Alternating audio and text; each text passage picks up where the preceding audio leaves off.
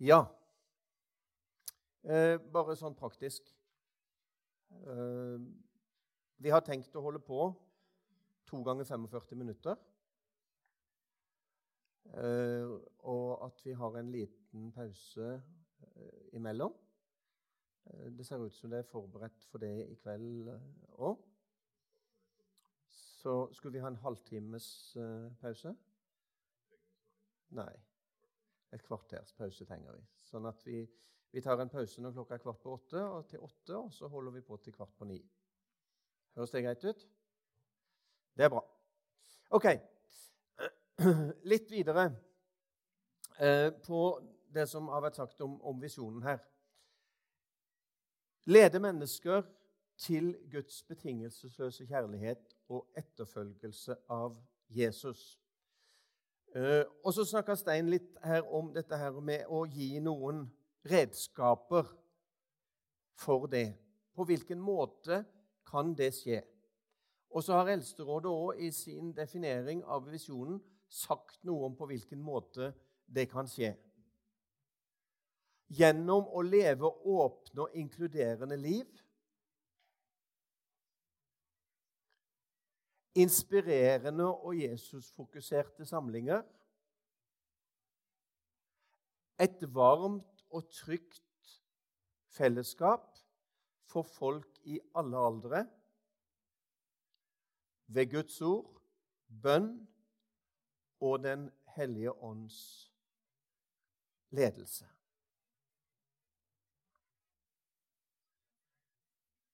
Det er veldig mye bra her, dere. De har virkelig, de har virkelig gjort et godt stykke arbeid. Uh, og, og, og jeg, jeg, kjenner at det, det, griper meg i hjertet når, når Stein står her og sier at vi, vi, vi, leide et rom og var sammen, og så var vi enige om at vi skulle ikke gå derifra før Den hellige ånd hadde fortalt oss hva vi skulle uh, sette ned på papiret som skulle være retningsgivende for menighetens uh, virksomhet og framtid. Jeg kjenner at det griper hjertet mitt. For det viser at vi har et eldsteråd som tar oppgaven sin på alvor det viser at vi har et eldsteråd som vil noe for menigheten, og som vil det beste for menigheten. Eh, det viser at vi har et eldsteråd som er åndelige nok til å gå inn for Gud eh, for å, for å få det som de, de, kjenner at er nødvendig. Dette her er ikke en bedrift som skal drives på best mulig måte eh, for å gi best mulig effekt og, og alt det der. Men, men, dette er den levende Guds menighet, sannhetens støtte og grunnvoll. Den skal, den skal drives ved Den hellige ånds ledelse.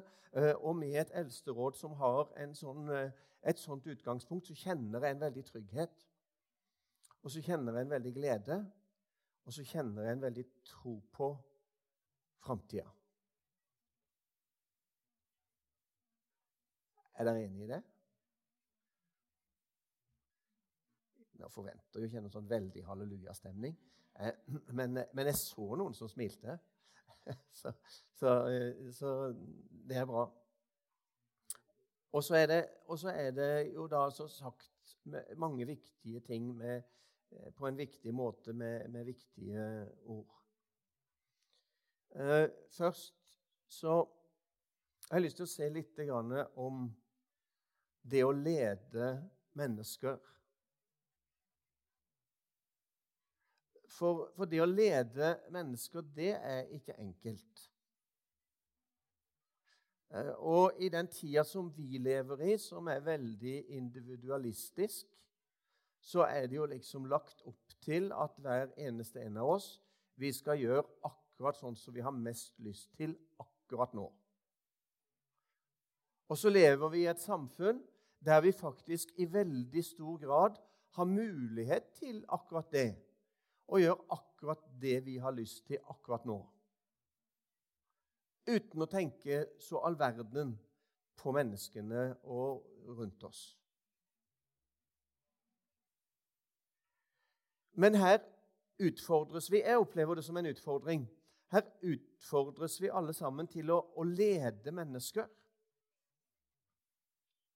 Og så er det sånn Jeg tror vi kan være enig i det.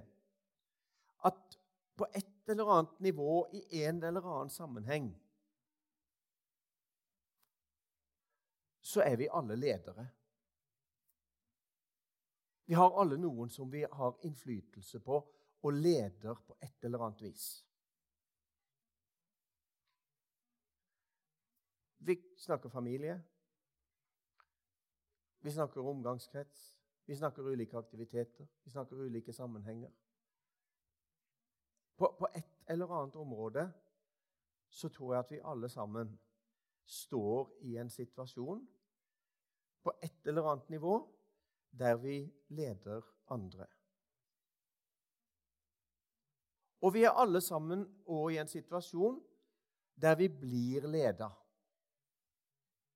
Det er noen som har et lederskap i forhold til oss. Som ønsker å lede oss i en spesiell retning. Vi snakker ikke så veldig mye om det, kanskje, men det er klart at eh, det Stein har utøvd her i kveld, det er lederskap. Han har vist en retning for menigheten, og så har han sagt at vi som har fått menighetens betroelse til å være lederskap For Eldsterådet har det, ikke sant?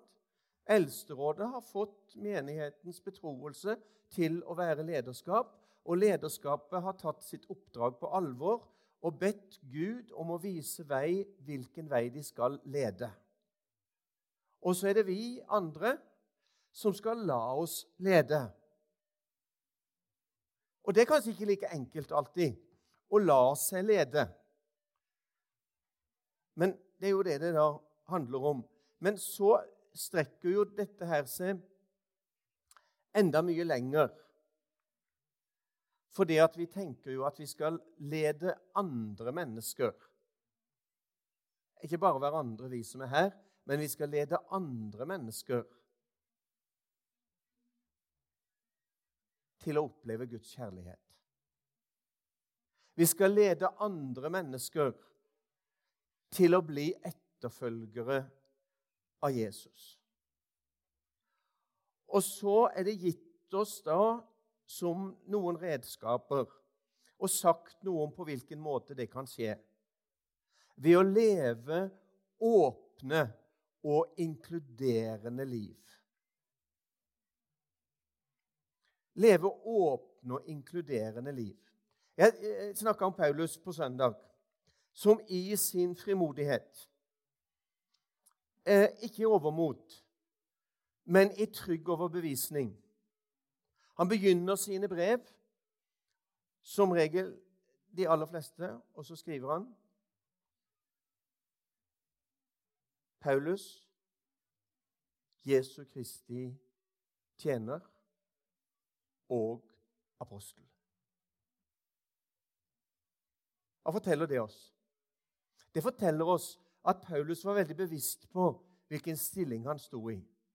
I forhold til den Herre Jesus Kristus så var han tjener. Og Når vi i Guds menighet snakker om lederskap og snakker om å lede, så snakker vi alltid om et tjenende lederskap. Vi snakker jo aldri om at noen skal være store, og noen skal være herrer, og noen skal være over, og, og noen skal trykke noen andre ned. Ikke noe, ikke noe herskende lederskap, men Bibelen taler om et tjenende lederskap. La dette sinn være i dere som òg var i Kristus Jesus, han som ga avkall, han som steg ned, han som var lidig, han som gikk helt ned for å løfte de dypest fallende, for å løfte de opp. Paulus var bevisst at han var tjener i forhold til han alene som er stor. Men samtidig så var han trygg i sin tjeneste og kalte seg sjøl apostel, for han visste at Gud hadde betrodd han. Det var ikke fordi at Paulus var så fantastisk prektig og hadde lykkes og fått det til, og alt det der. Men Gud hadde betrodd han en tjeneste, og derfor så våger han å si apostel. Jesu Kristi tjener og apostel. Ha meg som forbilde. Ikke fordi jeg er perfekt, ikke fordi jeg har lykkes i alt, men fordi jeg har vært en Jesu etterfølger. Og jeg er en Jesu etterfølger. Og jeg ønsker at på samme måte som jeg etterfølger Kristus, så skal dere etterfølge Kristus. Og så var han altså kommet så langt i sin frimodighet at han, han sier til folk Bli mine etterfølgere, like som jeg etterfølger Kristus. Leve et åpent liv. Det snakkes mye i våre dager om å være transparent. Har dere fått med dere det? Du skal nesten ikke, Uansett hvor du befinner deg hen, iallfall i et eller annet slags seminar, eller et eller annet slags sånn, så snakkes det om at ting skal være transparente. Hva betyr det at ting skal være transparente? Det dukker opp noen sånne motord innimellom. vet du. Og Så bruker alle det, og så tror alle at de vet og forstår hva det betyr. Men så er det ikke alle som vet og forstår hva det betyr allikevel. Men så bruker en det jo fordi at alle andre bruker det. Hva vil det si å være transparent? Jo, det betyr egentlig å være gjennomsiktig. Noen av oss er så gamle at vi husker at en gang i forhistorien så var det noe som heter overhead. Husker dere det? Mm. Og på overheaden så brukte vi transparenter. Da brukte vi sånne blanke ark, ikke sant? og så skrev vi på det, så skrev vi på det, så la vi det på.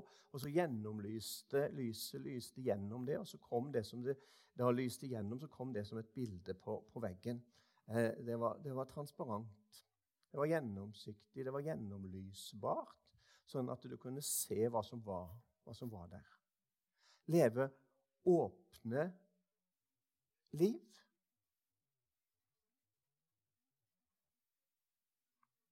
Gjør vi det?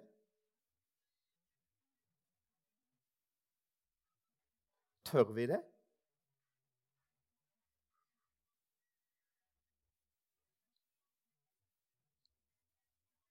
Har vi mot til det? Jeg har skrevet her 'Bort med maskene'. Jeg tenker at hvis det er ett sted i verden vi skulle kunne være åpne og leve åpne liv, så skulle det være i menigheten.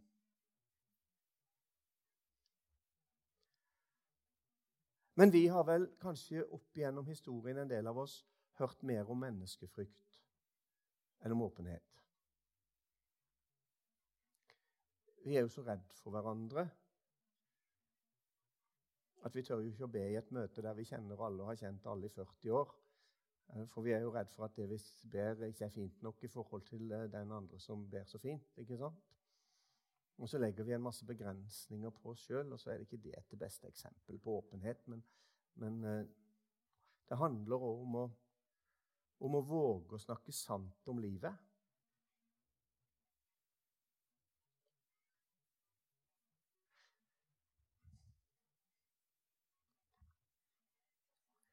Vi har ikke vært best på det, dere.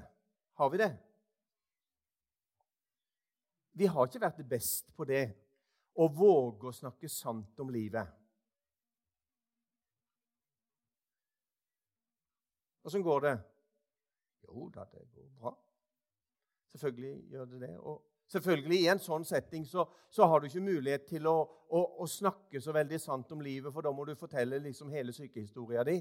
Uh, og, og, det er ikke sikkert at det er noen andre som har tid til å høre på den. Og hvis noen nå skulle ha tid til å høre litt på den, så er det klart at den som skulle høre på det, han har jo en sykehistorie sjøl som er enda mye verre, som du helst må høre på før det igjen.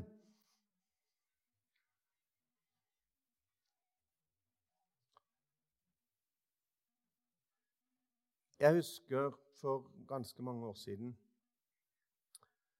uh, et møte når jeg var forstander i Møllergata før. Det var et stort møte. Eh, det var mye folk. Vi hadde besøk av Birgitta og Svante. Dere som har levd noen år, har hørt om Birgitta og Svante.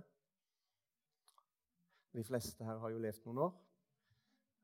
Og den gangen så var det stort å få besøk fra Sverige av Birgitta og Svante. Birgitta og Svante skulle synge, jeg skulle preke. Det var fullt hus, og det var masse folk. Og mens jeg står der og skal preke, så skjer det et eller annet eh, i mitt hue eller hjerte eller situasjon eller hva det var. Og jeg bare, bare stopper opp og knekker sammen og begynner bare å grine. Olaf Fjalestad var møteleder, og jeg bare snur meg rundt og kaster meg rundt halsen på Olaf Fjalestad. Og blir bare stående og grine.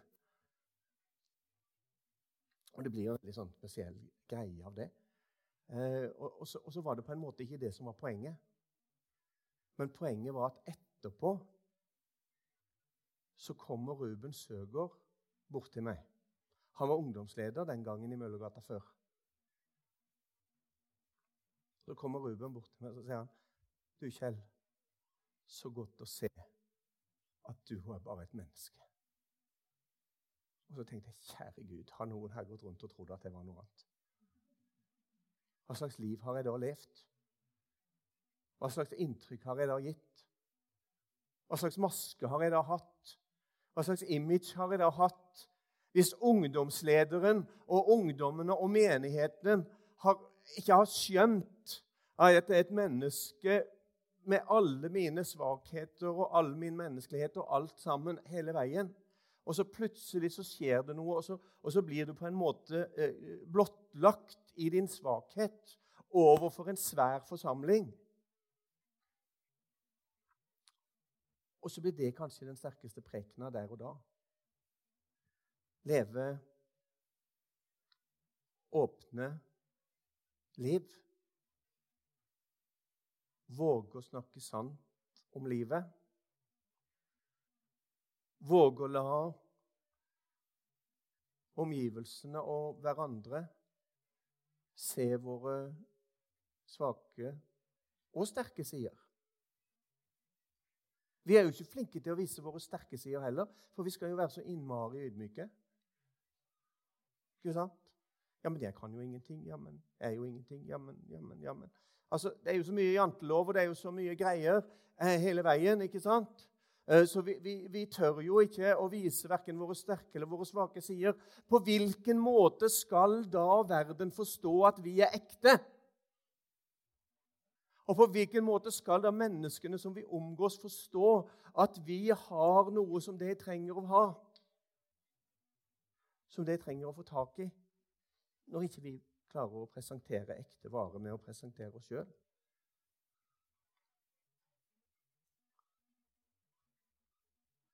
Å leve åpne og inkluderende liv. Tørre å slippe mennesker inn på livet vårt. Tørre å åpne døra. Tørre å være gjestfrie. Tørre å si det at hjemme hos oss er det ei åpen dør. Jeg har møtt noen mennesker som har fortalt at eh, opp gjennom livet. Når de dekte middagsbordet, så dekte de alltid til en ekstra. Hvorfor gjorde de det? Jo, for det kunne jo hende at det kom noen som trengte få et måltid mat akkurat i dag.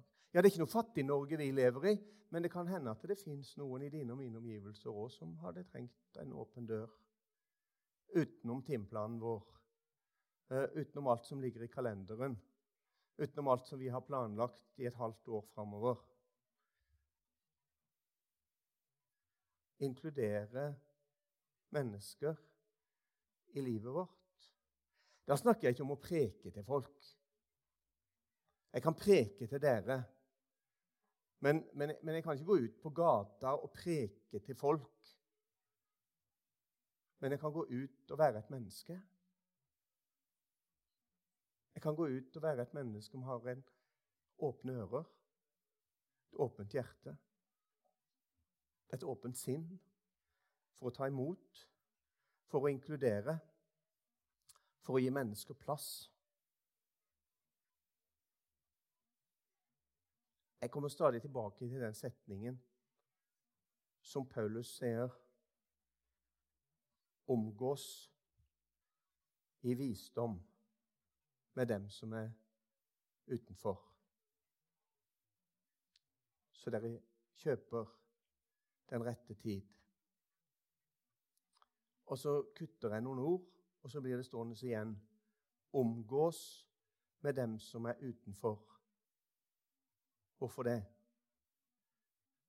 For å kjøpe den rette tid, når den rette tid er der.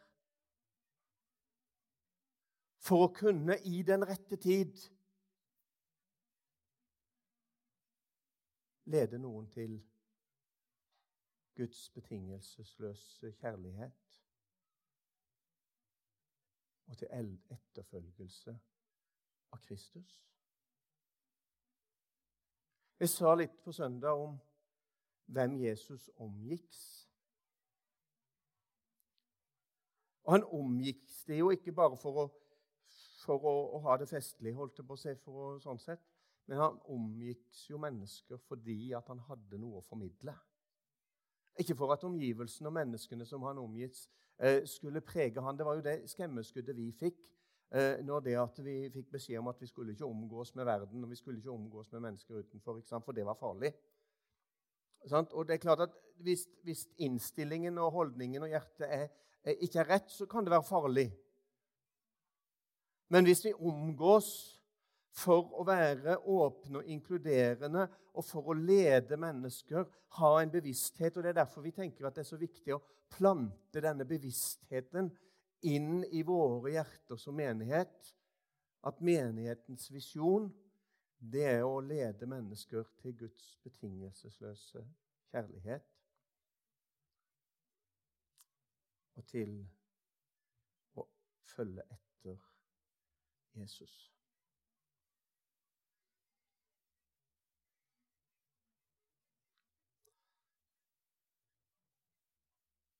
Så er det gitt noen flere sånne redskaper. Nå har jeg brukt mye tid på det første. Skal ikke bruke mye tid på det andre. Inspirerende Jesus-fokuserte samlinger. Har vi det?